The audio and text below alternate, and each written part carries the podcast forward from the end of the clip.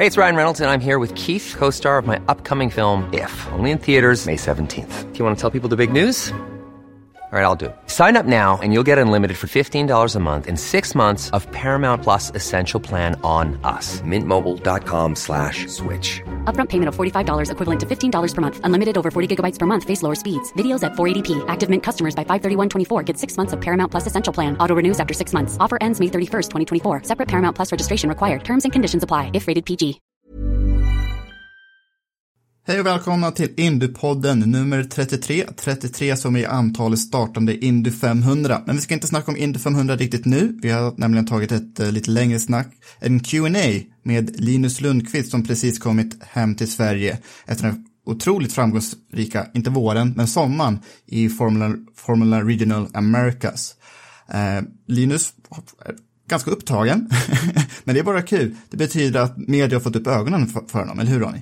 Ja, det är otroligt roligt faktiskt att eh, inte bara Linus utan även alltså, svensk motorsport i stort känns som att det är på en, liksom, ett medial upp, uppgångstrend. Så att det är jätte, jättekul verkligen. Och det säger rätt mycket om, tycker jag nu, eh, kring Linus också, att han eh, att han är så, så påpassad. Han satt ju i, i TV4s Nyhetsmorgon här nu för några timmar sedan innan, innan vårt avsnitt här och så fick vi, ringde han upp oss här nu strax innan vi började här och sa att ja, jag sitter i bilen, jag har två minuter hem här nu så att han går, jag, jag ringer upp om några minuter.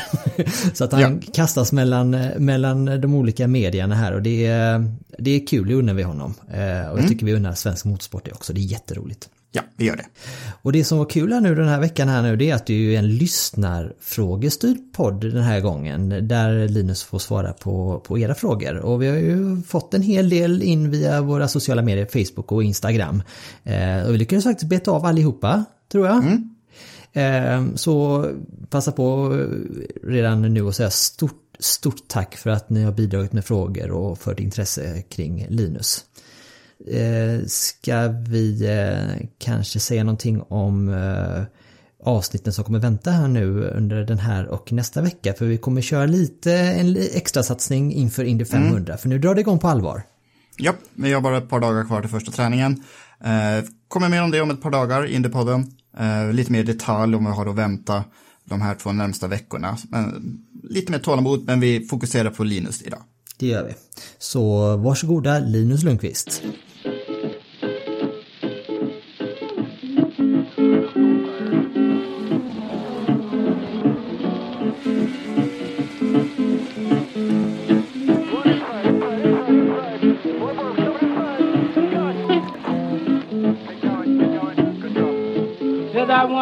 Where my easy rider goes.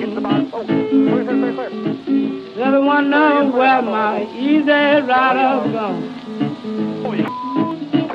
She's an easy rider, she'll ride all so long.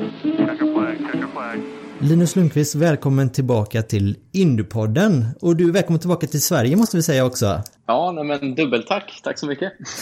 Hur, eh, ja, hur står det till? Är du jetlaggad nu när du har kommit hem eh, från staterna?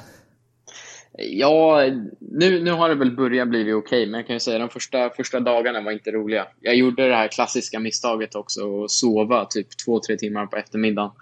Eh, så då, eh, ja, då var det ju att försöka somna vid ja, fem, sex någonting på natten där. Så man har väl långsamt försökt ta sig tillbaka, men nu, nu börjar det gå tillbaka till normalt. Mm. Vi, har ju, vi är jätteglada att du, du är med här och vi, du har ju varit med ett par gånger i Indiepodden eh, hittills eh, tidigare. Mm. Men det som blir lite annorlunda den här gången det är ju att nu har ju lyssnarna fått ställa frågor till dig eh, via, via våra sociala medier. Eh, och, så vi tänkte vi, vi drar igång med dem eh, tämligen direkt. Hur känns det? Ja, Ja, men kör hårt, jag är redo tänkte jag säga. Nej, men det, det är kul, det ska bli eh, lite intressant att höra vad, vad de tror och tycker och vad de undrar lite. Ja, då har vi Dan Mikael på Instagram som frågar, eh, ja det är en bra öppningsfråga tycker jag. Helt enkelt, hur jävla bra känns inte detta Linus? ja, det är ju svårt att säga någonting annat än att det känns sjukt jävla bra. det, eh, det, har ju varit en otrolig, som sagt, jag säger drömstart, men nu är vi ju över halvvägs in i säsongen. Så eh, det har ju varit en drömsäsong hittills. Så nu ska jag bara försöka hålla uppe det här resten av, resten av året. Men det var ju bättre än vad, vad jag ens kunde drömma om innan, innan säsongen började. Så. Har du märkt av det här? Det är ju väldigt tydligt att eh, din, dina framgångar liksom hittills under säsongen har ju verkligen fått gensvar i, i i svensk press och svensk media inte minst. Mm. Jag vet att du var på TV4 Nyhetsmorgon nu här på morgonen. Så hur, eh, hur stor skillnad eh, har du märkt av där? Så hur har det liksom... Ja, exakt. Nej, men som du säger, det har ju blivit alltså, jättebra med uppmärksamhet och det är nästan, helt ärligt, lite förvånad över det. Ehm, för jag menar, som, som vi alla vet så brukar ju motorsport inte få så jättestort utrymme i svensk media idag. Ehm, men ehm, det är ju jättekul att de har eh, snappat upp det här och att de verkligen har exponerat som du säger. Jag, jag är fortfarande färsk med smink från, från Nyhetsmorgon.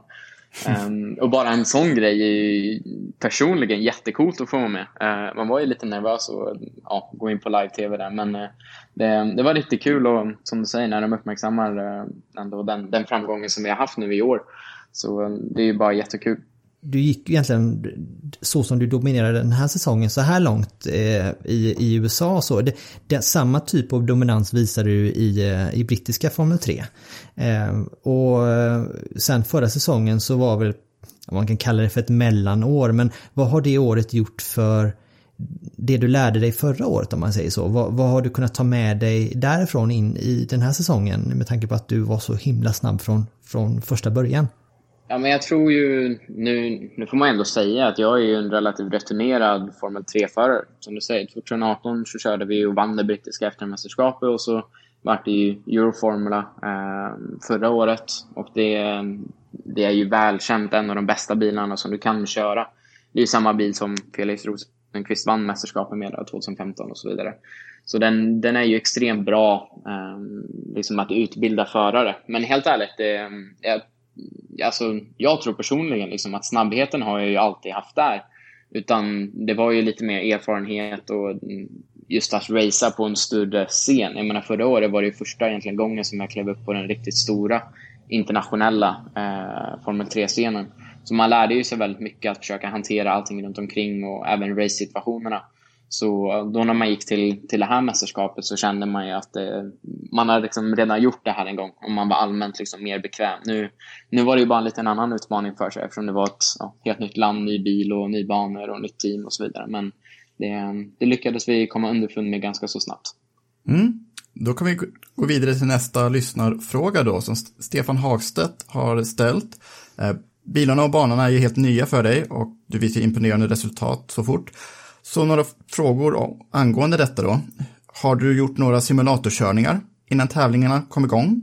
Hur förberedde du dig liksom överlag och har du fått någon hjälp och tips av, av någon om bilarna och banorna? För allting är väl nytt i USA för dig?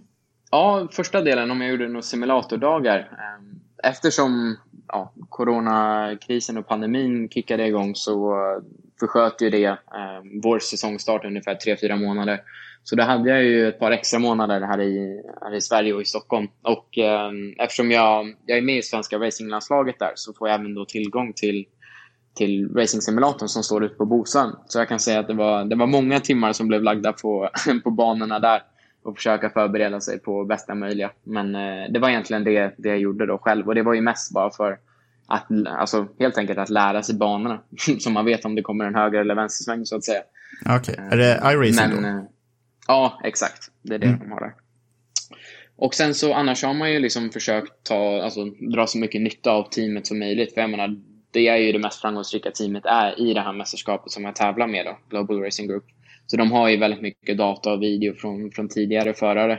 Och det är de som även har hjälpt mig mest att försöka förstå bilen och däcken och tipsa med banor och, och allt det där. Men annars så, um, det vart ju extremt stressigt kan jag säga. Jag menar, jag hade ju mindre än fyra timmar effektiv tid i bilen innan vi åkte till Mid-Ohio.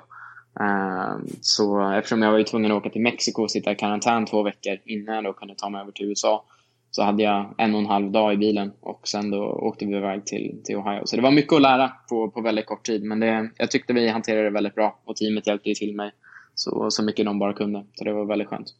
Hur var det att sitta i karantän? Liksom, vart fick du mat ifrån? Eh, ja, nej, jag, det var ju lite speciellt. Sen, uh, jag hade ju en extrem tur För eh, jag hade en, eh, en gammal teamkamrat i, från 2017-2018 i Double R. En kille som Sebastian Alvarez. Han är från Mexiko. Och eh, jag, kom i, eller jag kontaktade honom för vi är med samma managementbolag. Eh, och eh, de har en lägenhet i Mexico City och en i Acapulco. Så han sa att jag hade möjlighet att stanna hos honom då, två veckor. Det var då att mm. när jag var en, vecka i Mexico City så var de i Acapulco och så bytte vi av då en vecka som mot slutet. Så jag kan säga att det var definitivt värre ställen att sitta i karantän på än de jag satt på. För jag satt sista veckan i, i en lägenhet precis i Acapulco vid kusten. Eh, hade typ 50 meter till stranden, så det var inte dumt alls. Eh, och där okay. kunde man ju röra sig relativt fritt. Men eh, det var ju fortfarande liksom två veckor där man inte skulle träffa någon, så det var väl det var väl det man fick pina sig igenom för att ta sig in i USA. Hur, eh, kan du berätta lite om hur du, den här dealen med teamet eh, kom till? Och... Precis, det är um, faktiskt en, en, rolig story tänkte jag säga. Men det var ju, det kom ju ganska sent eftersom vi uh, vi tittade ju på, på de möjligheter som vi hade och tittade egentligen överallt, både i Europa, även lite bort mot Japan och sen såklart USA. Och det var väl kanske framförallt Europa som var det hu huvudsakliga målet till början. Men vi insåg ganska snabbt där att budgetmässigt så hade vi inte riktigt det att kunna täcka upp eh, för att göra en, en ordentlig säsong. Och då började vi titta där vi hade andra möjligheter. Och eh, den möjligheten just med Global Racing Group, det är faktiskt tack vare eh, Mattias Persson, Felix Rosenqvist och eh, Richard Lyon eh, som, som är borta i USA. Som kom i kontakt med Global Racing Group och eh, de hade en plats och var intresserade av mig. Så då kom jag i kontakt med teamchefen eh, Christian som är en dansk vars son också kör i Double R Racing i eh, brittiska Formel 3. Så då eh, vart det ju ytterligare en liten eh, en pusselbit som föll på plats så att säga. Och eh, jag kanske kunde till och med vara med och coacha honom och hjälpa honom på så sätt. Perfekt. Okay. Ja, ja, coolt. coolt. Mm. Så hela, hela lösningen kom till rätt så, rätt så snabbt då. Eh, den här, jag, jag tycker det är otroligt fräckt i den här dedikationen som du visade just det att eh, ja men då kör vi två veckors karantän i, i, i Mexiko. Eh, och sådär. Det, var, det är nästan som att det kom lite under radarn innan dess för man hade liksom inte hört så mycket från från dig liksom under året innan här nu då innan det blev, det blev klart. Så här, var det någon gång du det har varit mycket hårt arbete antar jag och varit liksom stressigt för dig rent mentalt innan det, det löser sig det här? Ja, och det, det, jag tror det är en, en ständig press som vi racingförare alltid lever under om du inte har ett flerårskontrakt så att säga. Att man, eh, man vet aldrig helt ärligt riktigt hur, hur nästa säsong ser ut och jag menar i värsta fall så kör du ju ingenting. Mm. Ehm, så det, det är ju verkligen inte ensam av att leva under den pressen. Och jag menar, det är ingen hemlighet att ekonomi och budget är ju en av, om inte den viktigaste delen i det hela när du försöker ta dig upp genom juniorstegen. Så ehm, det, det var mycket jobb på den sidan och försöka titta vad, vad vi hade för möjligheter. Och eh, sen så fick vi ju den här möjligheten då och ska säga det också att en av de största anledningarna till att vi till slut valde att verkligen titta på det här mästerskapet, det var ju priset i slutändan som Honda gick ut med. Att vinner du det här mästerskapet så får du alltså en fullt finansierad styrning i Indy Lights. Och det tror jag oavsett vilken förare du är liksom, som klättrar på en juniorstege så är det extremt attraktivt. Ehm, så det, det var ju en väldigt, väldigt stor morot liksom, att, eh, att jaga. Mm. Och med det så kan vi gå in på nästa lyssnarfråga också från Rickard Hellqvist som frågar hur skiljer sig de amerikanska banorna från det du kört på tidigare? Och har du behövt anpassa körningen på något sätt för att passa banorna? Alla racerbanor är väl annorlunda på något sätt, men du har ju erfarenhet från de nationella banorna i England som är rätt speciella. Och var det en Precis. bra erfarenhet också? Ja, exakt. Det roliga, det roliga är att jag skulle nästan säga att det är tvärtom. För jag menar, mm -hmm. under hela, hela min karriär så har jag ju kört först i Sverige. Jag menar, jag körde ju två år i formelbilar här hemma i Sverige också. Och de svenska banorna är ju inte riktigt som de stora europeiska banorna annars. Eh, mm. Som du säger. Och så hade jag ju året i brittiska Formel 4. Återigen brittiska banorna. Och sen brittiska Formel 3. Återigen de här lite mindre tekniska. Och sen då var ju förra året första gången jag egentligen körde på de stora banorna. Så nu går jag egentligen tillbaka lite till kanske det jag är van vid eh, gentemot tidigare. Så jag ska nästan säga att jag är, ja, eller mer bekväm, men det här är ju mer det jag känner igen gentemot vad jag körde på förra året. Men eh, de, är, de är ju tuffa, det är de ju. Och jag menar, alla banor ser ju alltid lite annorlunda ut. Men du har ju den här klassiska karaktären av att du har asfalt, vita linjen, gräset, muren. Ingen avåkningszon någonstans. Och det, som sagt, det brukar vara extremt belönande när du gör någonting bra. Men det straffar sig väldigt högt när du gör någonting fel också. Så eh, du har ju alltid den balansen.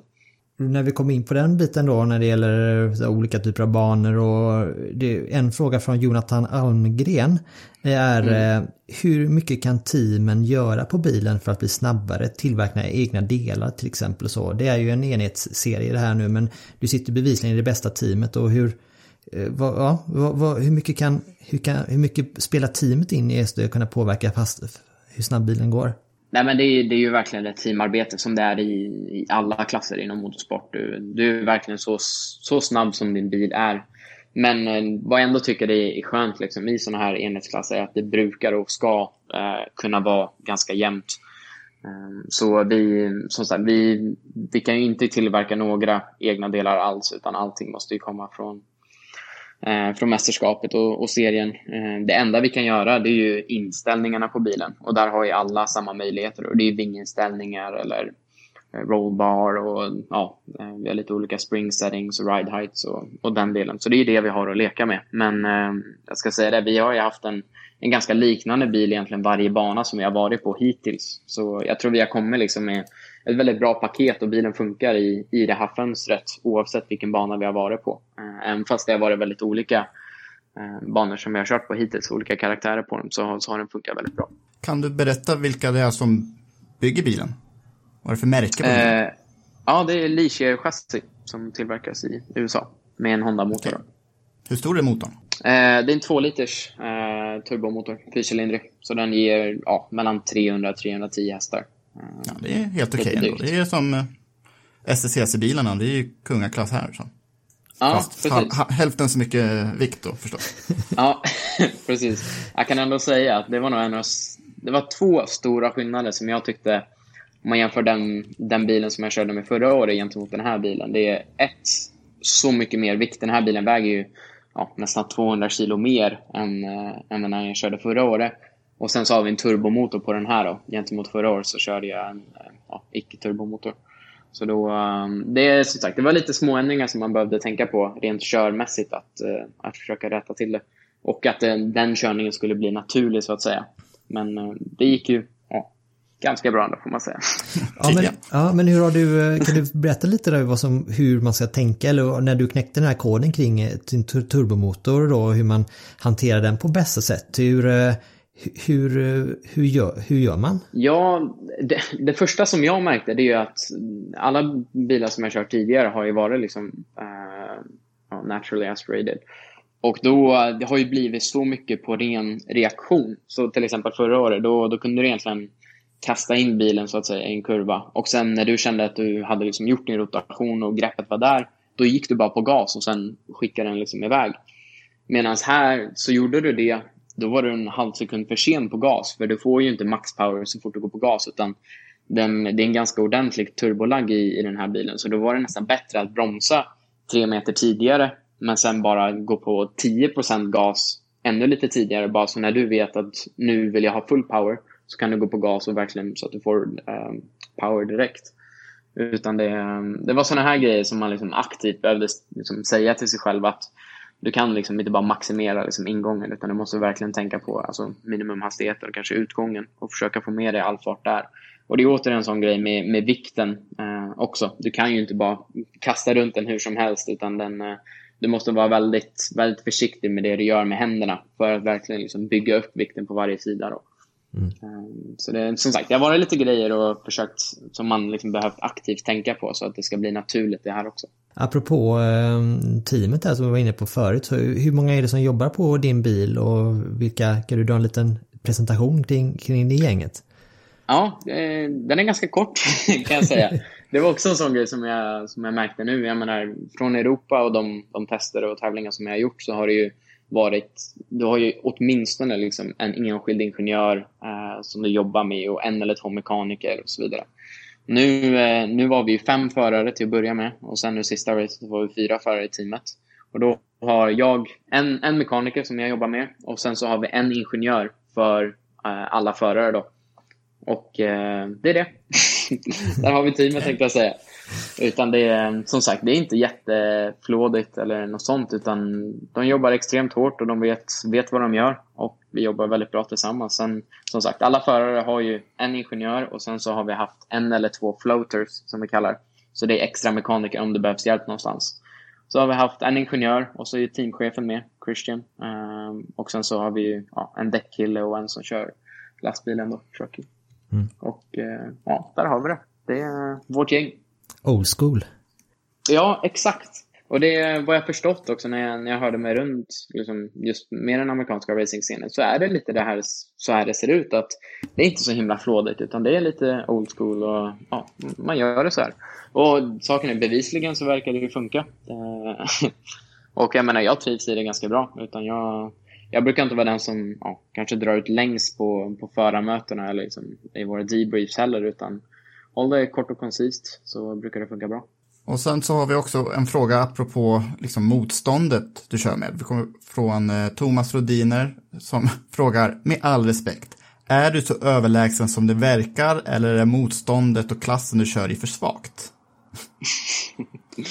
ja du, jag, eh, jag skulle väl kanske vilja säga det är en, en blandning av båda, vet jag inte heller om jag vill säga. För det är ju, om du tittar liksom på, på mästerskapet, jag tror vad som verkligen vad vi var lite oroliga för i början, innan första racet, det var ju när Indy Lights-teamen kom och anmälde sig till, till vårt mästerskap. Mm. Och de, de personerna som körde där, det var ju inga, det var inga dåliga gossar, det var inga dåliga tider. Det var ju Andretti och HMD bland annat som, mm. som kom med och, och körde. Och jag menar, ja, Malukas till exempel, han var ju snabbast på försäsongstesterna där i Indy Lights. Och, vi har ju även eh, Franzoni som, eh, som har ju vunnit Par Race Indy Lights och vann ju USF 2000 och eh, Mazda Pro 2000 också för ja, 2017 tror jag att det var. Mm. Så, um, jag menar om man tittar liksom på deras CV så ska det ju inte vara några sniglar vi kör med om vi säger så. Utan de, och jag menar, det är de ju verkligen inte heller. Samma sak med, vi har ju killen som vann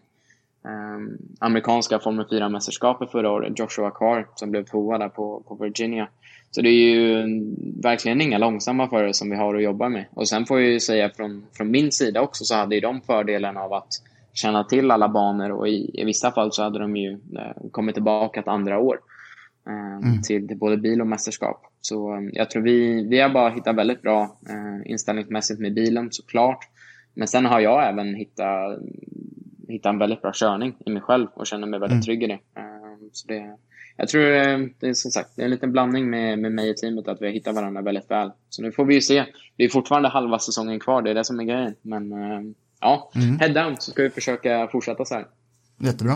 Kan bara, när vi väl är inne på det här, att gå igenom lite vilka, eh, vilket motståndet är. David Maluka mm. som du nämnde, han körde Indy Lights förra året, kom sexa totalt med två pallplatser. Yes.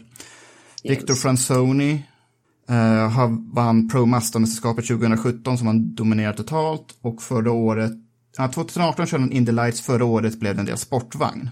Och i Indy Lights så vann han då ett lopp.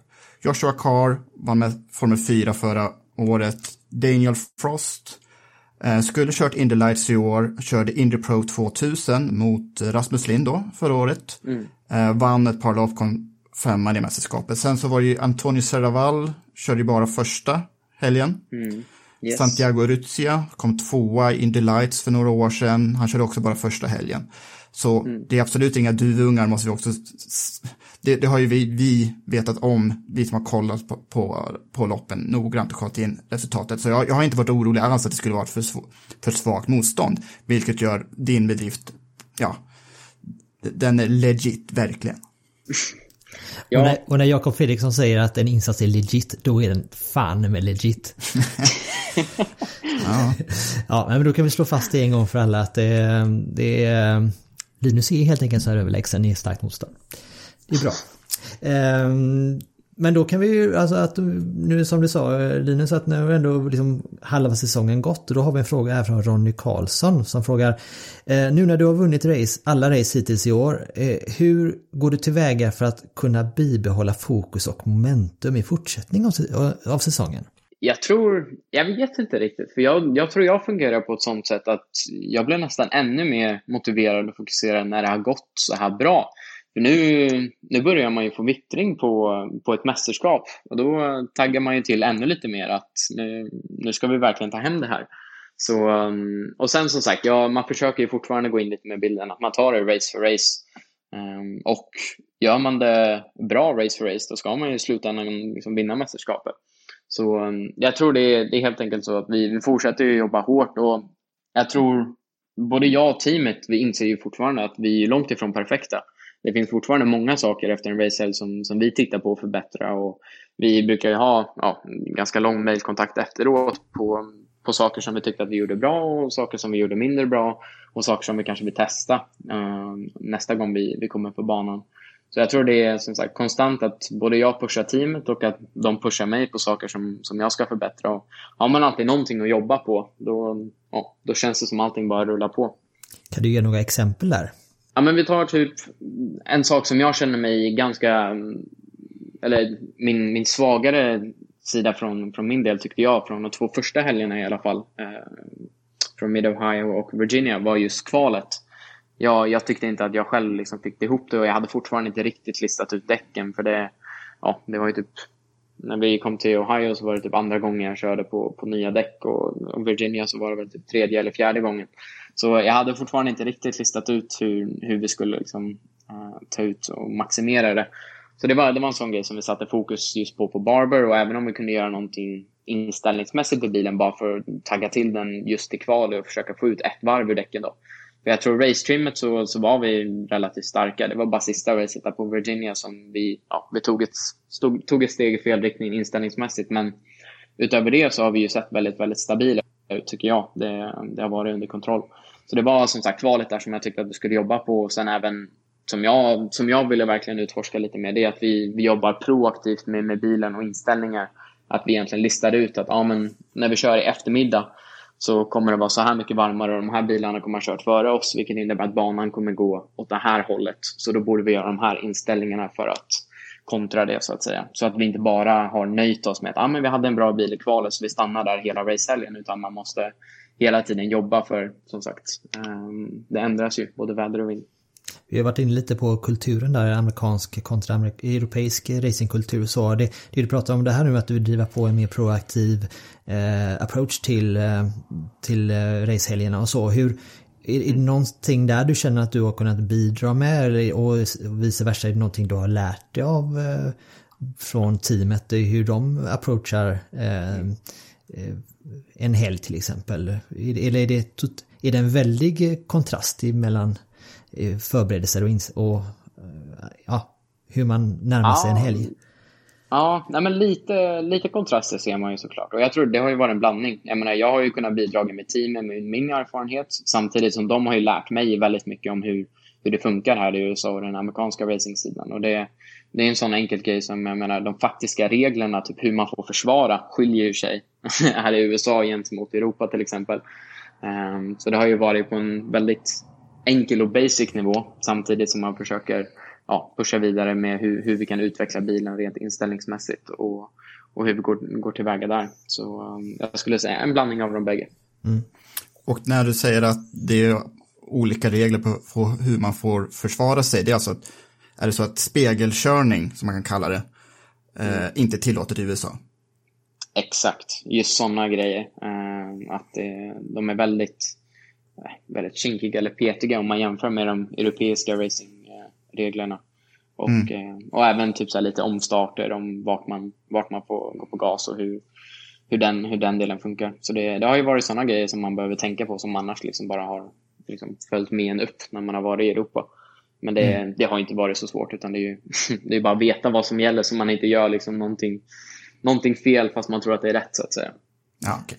Vad innebär spegelkörning? Är det när man typ eh, byter Re spår snabbt eller, liksom, eller hur? Ja, eller du reagerar på vad den bilen bakom gör. Ja, okej. Okay. Eh, så då, som sagt, så, så fort bilen bakom nu egentligen ja, gör, sin, gör sitt försök så att säga, om han liksom vill gå på insidan, då, har inte jag, då får inte jag gå in och försvara. och lägga mig framför, utan då har han det spåret, även om man inte ens är uppe liksom jämsides eller närheten av jämsides. Ehm, så, så har han det spåret så att säga. Utan då, jag måste i sådana fall bestämma mig först att jag ska försvara in i den här kurvan eh, innan han liksom försöker. Vad tycker du om det då?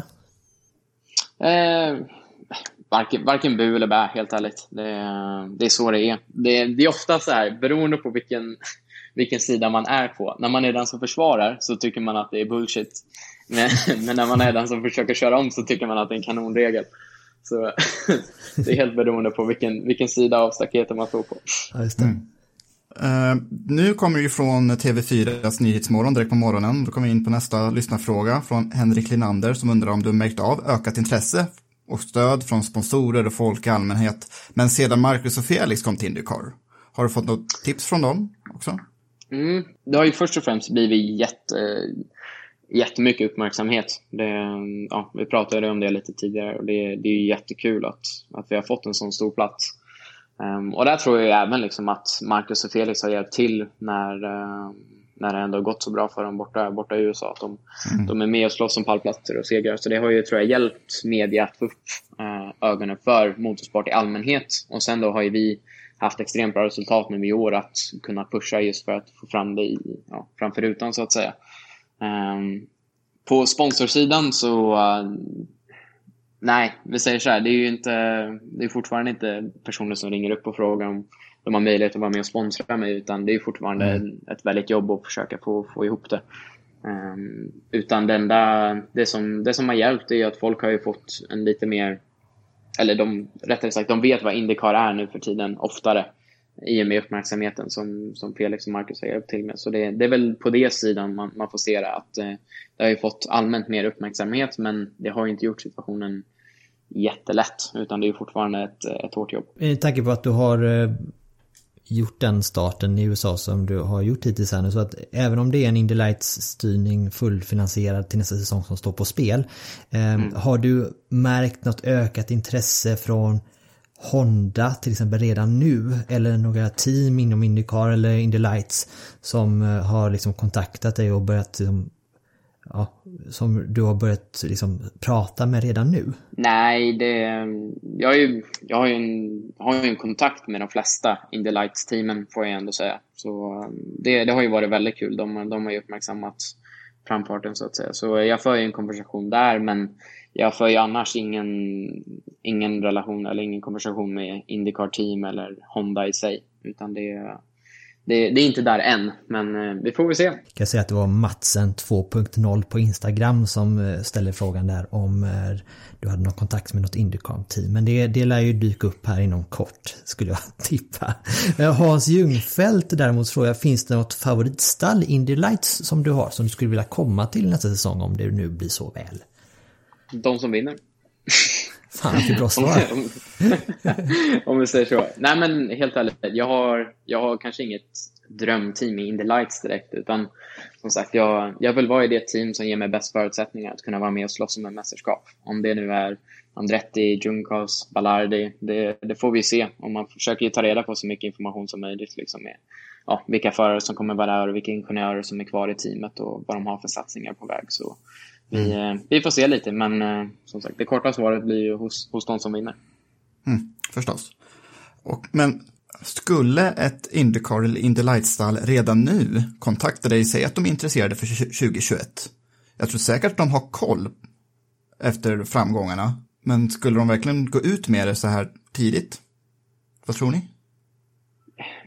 Ja, jag tror väl typ så här, den, de konversationerna som jag för med Indy Lights team, det är ju det är ju verkligen inte på kontraktsnivå utan det är ju bara att de har uttryckt liksom ett intresse. Och jag menar, det är, det är ju verkligen ett intresse från min sida också. Liksom, att titta vad, vad vi har för möjligheter nästa år och liksom börja bygga på, på, på en relation så får vi se vad som händer. Ehm, och det är, det är väl någonting liknande som jag, som jag också självklart skulle vilja bygga på kanske med alltså en Indycar-konversation också. Det, det är ju långt ifrån att man idag skulle skriva ett kontrakt eller göra någonting sånt. Utan det skulle ju bara vara för att bygga vidare och ta en första kontakt så att säga.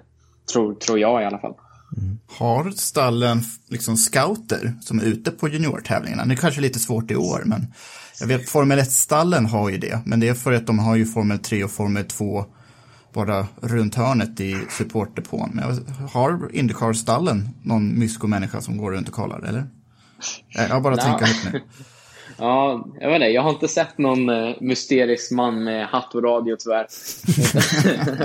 som har gått runt och scoutat. Men uh, jag tror väl att de, de har ju sin, sitt informationsflöde om juniorer och, och så vidare. Så det, jag mm. tvivlar, mm. tvivlar väl inte på att de, de får höra ett och annat. Men uh, sen tror jag mycket att det, det ligger ju, alltså bollen ligger ju fortfarande hos mig. Jag menar, om jag vill ta kontakt med ett team så, så är det väldigt mycket upp till mig att, att ta den kontakten och, och försöka bygga vidare på det det är ju extremt sällan det, det kommer att landa en, en fin boll hos dig, utan du, du kommer behöva springa och jaga. Mm. Mm. Får fila på power, powerpoint-skillsen. Ja, exakt. Får höra av mig till George Russell se vad han gjorde. Mm. Det är väl bara att klippa ihop ett eh, så här showreel från alla, alla segrar istället med den här säsongen så här långt så kommer ja. du nog långt. Du behöver ingen lång presentation. Du bara knäpper igång den och sen bara släpper du mikrofonen. Ja, eh, så går jag därifrån. Boom! Och så, eh, Petrus Gustafsson, eh, apropå detta då, frågar efter årets succé eh, hur snart hoppas du köra Indycar? Vad har du för för målsättningar och någon plan framåt här för de närmsta åren? Ja, eh, först och främst så vill jag ju säga att vi ska köra klart år också. Mm. Eh, vi ska försöka vinna det här mästerskapet. Det är som sagt prio ett. Mm. Men eh, jag menar, om man tittar så här, det är ju ganska enkel matte tänkte jag säga. Utan det, vinner vi mästerskapet i år så blir det ju förhoppningsvis en ja, eh, Indy Lights-styrning nästa år. Då. Och vinner du Indy Lights eller kan du vara med och... Jag menar, det skulle ju vara såklart mästerskapet att vinna Indy Lights. Ja, då blir ju målet efter det att hitta en Indycar-styrning. Så om man tittar på så sätt så blir ju målet Indycar 2022. Men det kan ju, det kan ju hända mycket fram tills dess. Eh, och det är väldigt mycket beroende på hur, ja, först och främst hur det i år går och sen även 2021 och så vidare. Så, eh, men eh, det är väl den, den korta och enkla liksom, tidsplanen. Ja, för har ju Nomus understreck understreck på Instagram som frågar Kommer du att fortsätta köra i USA de kommande åren eller kommer du att flytta tillbaka till Europa igen? Vad är ditt mål? Men om man säger Europa här nu, har du släppt den tanken helt och hållet? Nej, nej det skulle jag väl inte säga. Det, som sagt, vi, vi valde ju den här vägen eh, mycket med just eh, scholarshipet i, i slutändan och som sagt med, med budget och ekonomi i åtanke. Och då var det här det bästa bästa alternativet eh, för oss. Men öppnade sig dörrar tillbaka till, till Europa och, och den vägen så skulle jag ju inte vara ointresserad av det. Jag menar, jag är inte i en position där jag kommer stänga några dörrar om det, om det är i Europa eller USA. Men aktivt nu så kämpar vi mot, mot Indycar och, och, och vägen dit. Men eh, sen får man ju se vad som händer. Man vet ju aldrig i, i racing idag. Det, det kan ju ändras från dag, dag till dag. Nu börjar vi närma oss slutet på frågorna, Jakob.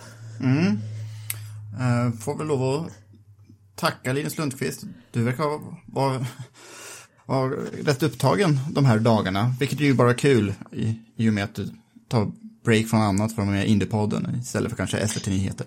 Eller ja. uh, du har lite, hade lite bråttom från, från TV4 och så vidare. Då kan vi ju fråga dig, eller uh, Anders Alriksson undrar ju därmed, vilken hyrbil anser du är bäst? Då, då, måste jag säga, det, det måste vara en Fiat Panda. okay. Som, ja, jag har en liten story med den här. Det är nämligen att det här var alltså 2014 när jag fortfarande körde go-kart. Um, så skulle jag och min bonuspappa då som var min mekaniker um, så vi skulle köra en EM-deltävling i, i södra Italien, i La Conca. Och, ehm, så, och då var den närmsta flygplatsen av någon anledning som vi kunde flyga in till tror jag var Rom. Och det var typ fyra, fyra och en halv timme bort. Eh, och så hade vi då lyckats boka, ja, eller vi tog då liksom den minsta bilen, billigaste bilen som de hade. Och eh, det visade sig vara då en blå Fiat Panda som vi satt och körde då fyra och en halv timme. Och jag lovar att den gick inte snabbare än 90 kilometer i timmen. Det var, det var så tradigt. Och så körde vi då på de här italienska autostradavägarna där de låg liksom, ja, 160-170. Så fick vi ligga där i innerfilen och puttra ner till, eh, till Aconca. Så um, ja, det är nog den äh, absolut favoritbilen äh, som man kan ta med hyrbil. Så Anders Alexson, Fiat Panda blå. Ja. Av nostalgiska skäl. Ja. Oj. Ja, exakt. Ja, men det är faktiskt på mig. Jag läste faktiskt eh, Joakim Bonniers biografi. Han gjorde så när han skulle träna inför Targa Florio så eh, körde han den bansträckningen typ under en hel månads tid i en, det var en Fiat 500 tror jag. Mm. Som han bara, han bara nötte och nötte och nötte och nötte den bansträckningen hela tiden. Så att man ska inte underskatta de små, små skärmiga bilarna. Nej, mm, det ska man inte göra. um, ja, nu, nu, det var alla frågor faktiskt. Tack så mm. jättemycket alla som har skickat in och intresserat mm. sig. Du märker att det är, det är otroligt, det märker vi i våra flöden också, att det är otrolig, eh, stor, otroligt stort intresse och uppskattning inför dina bedrifter så här långt Linus. Och, eh, det är väldigt kul att se. Ja, men det är jättekul att se liksom, att, det, att folk följer den och även uppmärksammar när, när det går bra. Det gör ju en lite extra glad och extra motiverad att försöka, försöka göra det igen. Eh, så vi ska försöka hålla det här hela, hela säsongen ut så kanske vi får ytterligare en svensk Indy Lights nästa år. Mm. Ja, det hade varit mumma faktiskt. Hur, mm. Nu är du hemma för att förnya ditt, ditt visum och så. Hur, eh, hur ser planerna ut här nu fram till eh, september när de plockar upp racen igen? Precis. Um, jag ska inte ljuga. Jag menar, en, en del av att komma hem kommer ju vara att slappna av och ja, du vet, träffa, träffa vänner och familj igen som man inte får träffa på nästan tre månader. Så det, det har varit kul. Men sen kommer det även det kommer vara rätt fullt upp med jag menar, vi, vi jobbar ju fortfarande aktivt liksom med, med budgeten um, och försöka se vad, vad vi kan få till där. Och sen så har vi ju alltså vi har ju en otroligt stor och härlig grupp bakom mig som har hjälpt och stöttat mig till, ja, till där jag är idag. Och jag menar, utan dem så skulle jag ju aldrig kunna sitta här och, och liksom ha, ha vunnit de här racen. Så vi, eh, vi kommer att försöka dra ihop lite roligheter kring, eh, i vår grupp också med, med lite event här och var och dra ihop någon liten ja, halvmiddagfest kanske och fira den halva säsongen som har varit. Så laddar vi om inför, inför nästa halva. Okej okay, Linus, stort tack så jättemycket och lycka till framöver här nu så hörs vi. Yes, det gör vi. Tack så jättemycket hörni. Hej. Hej. Cause I wanna know where my easy rider gone. Cause I wanna know where my easy rider gone.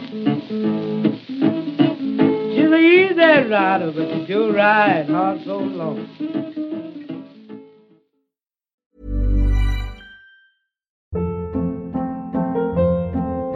Hold up. What was that? Boring. No flavor. That was as bad as those leftovers you ate all week. Kiki Palmer here, and it's time to say hello to something fresh and guilt-free. Hello Fresh. Jazz up dinner with pecan-crusted chicken or garlic butter shrimp scampi. Now that's music to my mouth. Hello Fresh. Let's get this dinner party started. Discover all the delicious possibilities at hellofresh.com.